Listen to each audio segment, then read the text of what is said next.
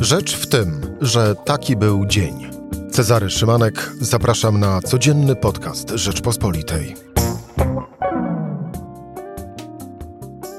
Czwartek, 18 lutego. Aborcja do 12 tygodnia ciąży z powodu trudnych warunków życiowych bądź zagrożenia dla zdrowia psychicznego kobiety. Tak brzmi nowe stanowisko Platformy Obywatelskiej. A Borys Budka mówi, udało się wypracować stanowisko, które stara się łączyć, a nie dzielić.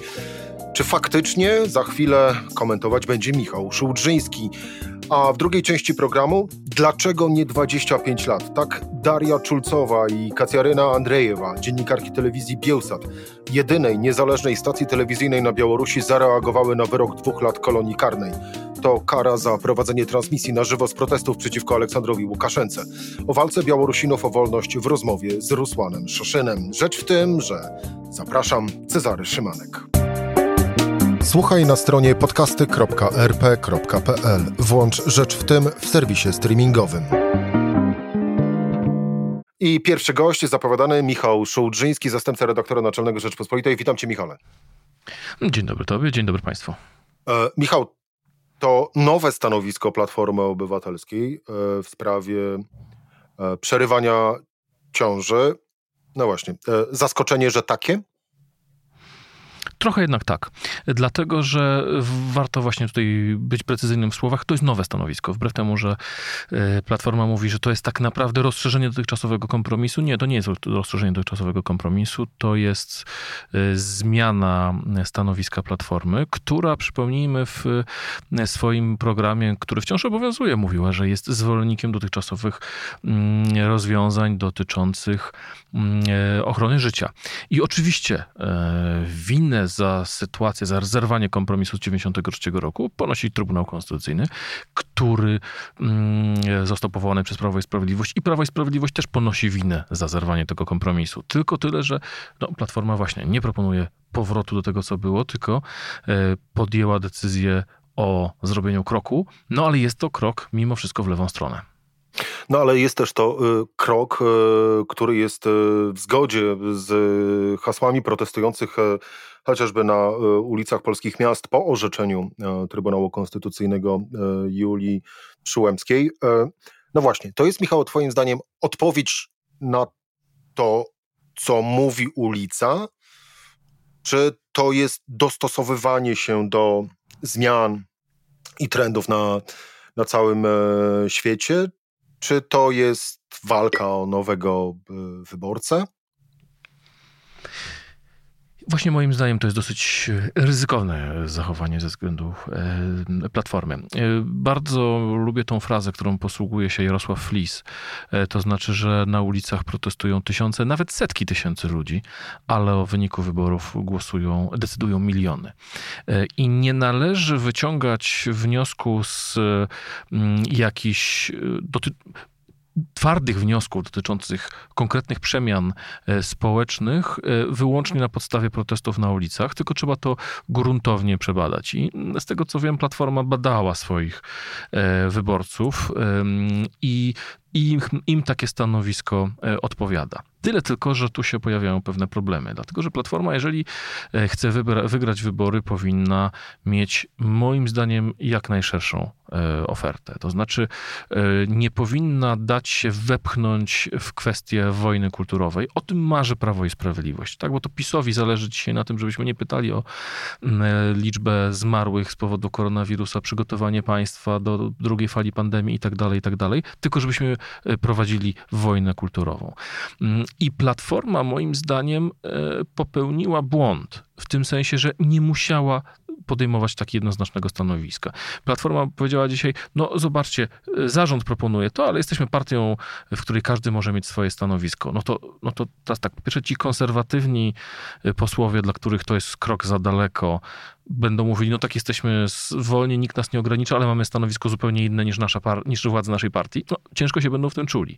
Poza tym jest też, e, mam wrażenie, spora grupa wyborców e, centrowych, którzy wcale nie mają ochoty e, zagłosować już na Prawo i Sprawiedliwość, ale którzy też nie do końca mają ochotę na tą drogę w lewą stronę. I tutaj mam wrażenie, jest taka jedna rzecz ogólna, to znaczy najciekawszym dzisiaj kąskiem e, na scenie politycznej są ci wyborcy, którzy odeszli od PiSu. Ci, którzy głosowali na przykład w 2019 roku na PiS, a teraz są kompletnie zawiedzeni tą partią. Zawiedzeni e, również wyrokiem Trybunału Konstytucyjnego, e, zawiedzeni sposobem, którym się Prawo i Sprawiedliwość e, walczy z, z kryzysem i tak dalej. No to wszyscy widzimy, że te nastroje społeczne się bardzo pogarszają. No a kto może mieć najgorsze nastroje? No ci, którzy zaufali tej partii, ale dzisiaj się czują oszukani. No, PiS dostał 40 ponad procent, dzisiaj ma poparcie około 30%. W związku z tym, moim zdaniem, Platforma, jeżeli chce wygrać wybory i rządzić, musi mieć ofertę dla wszystkich.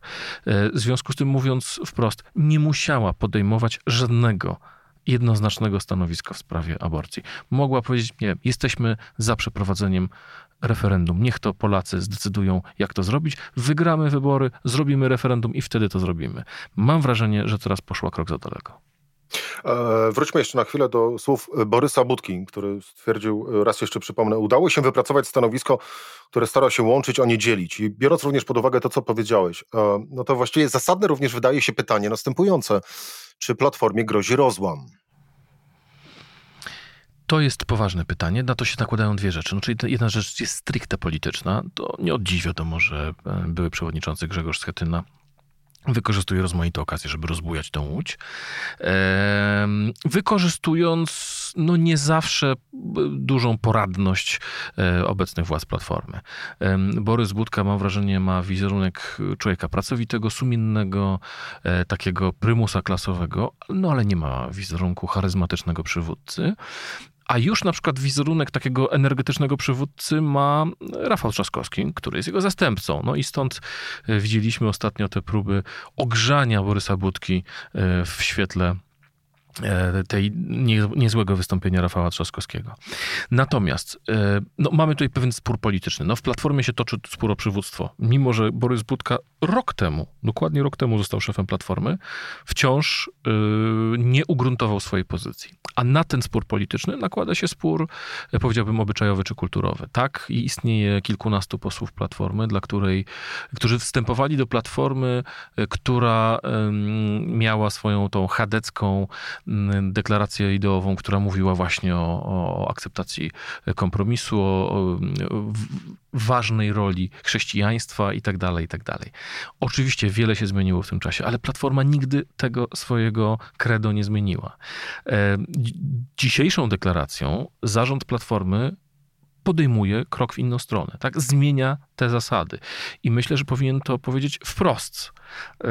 Ale mam wrażenie, że trochę się tego boi. E, dlatego, że wie, że, e, no, że to wywoła jakieś reakcje w partii, w związku z tym zaczyna to pudrować. No, cały czas posłowie związani z zarządem mówią o tym, że to wciąż jest program chadecki i tak dalej. No, Oczywiście można mówić, że zmieniło się społeczeństwo, że społeczeństwo się zliberalizowało i tak dalej, ale niech Platforma jasno i wyraźnie powie, tak zmieniamy zdanie. W poprzedniej deklaracji ideowej mieliśmy pisane e, akceptację kompromisu. Dzisiaj jest, są zupełnie inna sytuacja, zupełnie inne warunki, jesteśmy zupełnie gdzie indziej. E, I mm, nie wiem, czy dojdzie do rozłamu. No to to zależy troszeczkę od odpowiedzialności liderów Platformy i od odpowiedzialności tych osób, które są, e, które są w tym skrzydle konserwatywnym. E, ale pamiętajmy o jednym. No, mamy teraz sezon e, trzęsień ziemi, tak, ruchów tektonicznych. Nie wiadomo, czy Jarosław Gowin będzie miał dalej swoje miejsce w Zjednoczonej Prawicy na łowy poszedł Szymon Hołownia, szukając e, nowych, nowych mm, posłów, którzy do niego e, dołączą. Mm, to oznacza, że chętnych do tworzenia nowych kół, nowych bytów politycznych teraz może być dużo, no a natura nie znosi próżni. Jak powstanie ciśnienie wewnętrzne w Platformie, a naokoło będą rozmaite ruchy, może dojść do podziału w Platformie. I można to podsumować stwierdzeniem, że Jarosław Kaczyński siedzi w fotelu i zaciera ręce, patrząc na wydarzenia. Głaszcząc kota. Michał Szulczyński, zastępca redaktora naczelnego Rzeczpospolitej. Bardzo dziękuję Ci za rozmowę. Dziękuję bardzo. A już za chwilę e, Rusłan e, Szoszyn i sprawa wyroku na dwie dziennikarki niezależnej białoruskiej telewizji Bielsat. Rzecz w tym, że to jest podcast Rzeczpospolitej. I przenosimy się e, na Białoruś, a właściwie do najważniejszego dziś wydarzenia na Białorusi.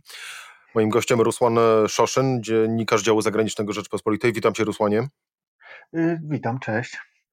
Daria Czulcowa i Kacjaryna Andrejewa, dziennikarki telewizji Bielsat, y, jedynej niezależnej stacji telewizyjnej na Białorusi, dostały dziś dwa lata e, kolonii karnej. To kara za prowadzenie transmisji na żywo z protestów przeciwko Aleksandrowi e, Łukaszence. Ale e, jak słuchały owego wyroku, e, no to tak naprawdę można by było powiedzieć, że bardziej wyzierała z nich duma niż zmartwienie. Sytuacja rzeczywiście jest zadziwiająca i bezprecedensowa, ponieważ nawet, nawet biegły sądowy lingwista, który prowadził taką ekspertyzę wypowiedzi dziennikarek, badano ich relacje na żywo, którą prowadzili podczas zatrzymania. Uznał ten biegły, że nie było żadnych apeli do jakichkolwiek zamieszek. Dziennikarki nie nawoływali do żadnego wychodzenia na ulicę, do protestów. I to, I to była ekspertyza zlecona przez władze, i tego sędzia nie raczył uwzględnić. Otóż z czym mamy do czynienia? Do czynienia mamy z sytuacją po raz pierwszy w historii Białorusi, w zasadzie współczesnej, dziennikarze skazują na bezwzględne więzienie. Dotychczas było, były przypadki, zdarzało się, że dziennikarze e, siedzą 30 dni w aresztach, 20 dni w aresztach i to dzieje się niemalże co tydzień w ostatnich miesiącach ale bezwzględne więzienie jednak dziennikarzy nie, y, nie spotykało. I w tej sytuacji mamy oczywiście do czynienia z takim po prostu procesem pokazowym, próbą ujarzmienia mediów niezależnych na Białorusi i to się warto, warto przyznać, że to się udało, ponieważ dzisiaj e, redakcje zagranicznych mediów, niezależnych mediów, takich jak E, chociażby wspierane przez Stany Zjednoczone albo w całości finansowane przez Stany Zjednoczone Radio Swoboda, e, Radio Wolna Europa, też ma, ma, ma swoich dziennikarzy w Mińsku, ale powstrzymuje się przed jakimiś relacjami na żywo, jakichkolwiek wydarzeń, protestów, akcji ulicznych, ponieważ w pewnym momencie mm, w pewnym momencie e, udało się władzom zamknąć y, po prostu, zamknąć powiedzmy buzię dziennikarzom. No i to, to tyle można powiedzieć. Wszyscy dzisiaj są w szoku, no i, i, i, i, i, i, i jakie to będzie miało skutki. No zobaczymy, no na, na razie to jest, to jest taki sygnał, wyraźny sygnał oczywiście Polsce, ponieważ no, pamiętajmy, że Bielsat to jest y, niemalże w całości jest finansowany przez państwo polskie.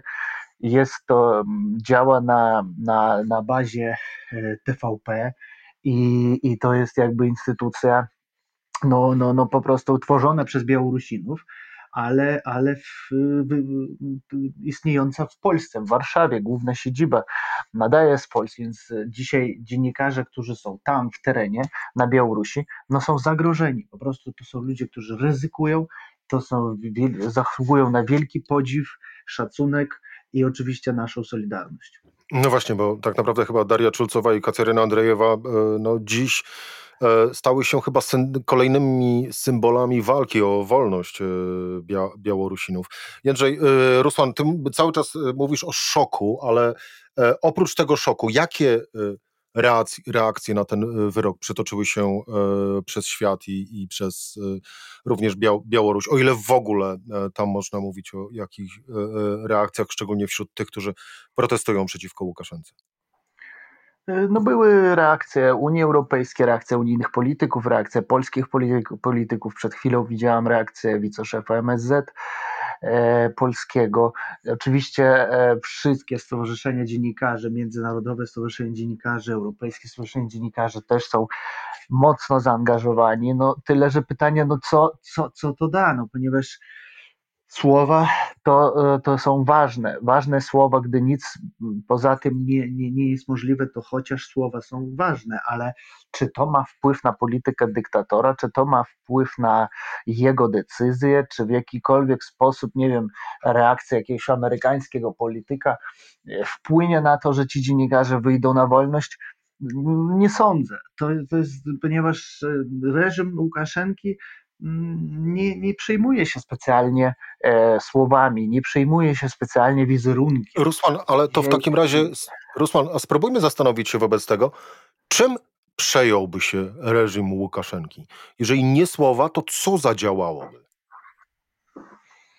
No, mi się wydaje, że na pewno zadziałałaby, na pewno zadziałałaby, mm, zadziałałyby gospodarcze, Y, ograniczenia i nie ograniczenia, tylko gospodarcze sankcje, y, bo mamy wciąż z, do czynienia z jakimiś po prostu ograniczeniami jakichś poszczególnych firm, y, jeżeli chodzi o Unię Europejską. Y, to, to, są, to, są, to jest ta lista oczywiście, ale, ale my po prostu no nie możemy powiedzieć, że dzisiaj białoruska państwowa gospodarka i sektor państwowy, z którego się zasila reżim, jest objęty sankcjami. No, te, czegoś takiego nie ma, bo to są tylko ograniczenia. E, nie ma też szerokiej listy sankcji wobec ludzi odpowiedzialnych za represję. Otóż, otóż, no, otóż, otóż, otóż na liście znalazło się tylko kilkudziesięciu, jeżeli się nie mylę, funkcjonariuszy białoruskich służb, Centralnej Komisji Wyborczej, parę sędziów, tylko że no, ten reżim składa się z nieco większej liczby ludzi, gdyż, gdyż po prostu no, no, no, no, no, no na jakieś kroki takie szersze i każdy krok można oczywiście negować, ponieważ no, ktoś powie, no dobrze, czy wpisać wszystkich białoruskich sędziów na listę osób, którym zaka zakaz zakaże się wjazdu do Unii Europejskiej. Przecież oni to obskarżą, w, e, zaskarżą taką decyzję w Europejskim Trybunale Praw Człowieka a, i, i, i, i nie zdziwiłbym się, gdy, gdy wyrok będzie po ich stronie. Więc jest, jest taka sytuacja troszeczkę bezradna. Oczywiście, oczywiście, um, oczywiście my mówimy o, o sytuacji, kiedy kiedy, jeżeli przypomnimy sobie, jakie sankcje zastosował, był, by, by, by, były te sankcje w roku chyba 2007, George Bush zastosował sankcje wobec białoruskich rafinerii i wtedy faktycznie w ciągu kilku miesięcy, w ciągu kilku miesięcy uwolniono e, kilku więźniów politycznych. To taka historia miała miejsce. No, czy dzisiaj ktoś ktoś w Europie czy na Zachodzie chce e, konfrontację mm, z Łukaszenką.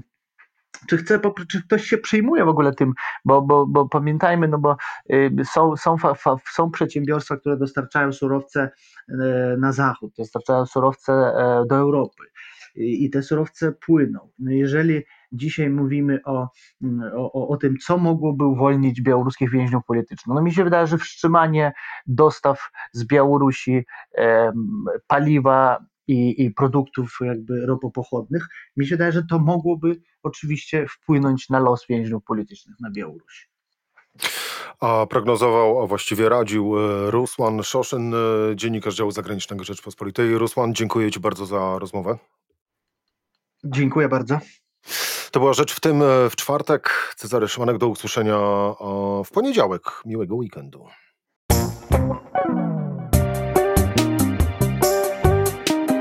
Rzecz w tym to codzienny program Rzeczpospolitej. Od poniedziałku do czwartku o godzinie 17. Słuchaj na stronie podcasty.rp.pl. Włącz Rzecz w tym w serwisie streamingowym.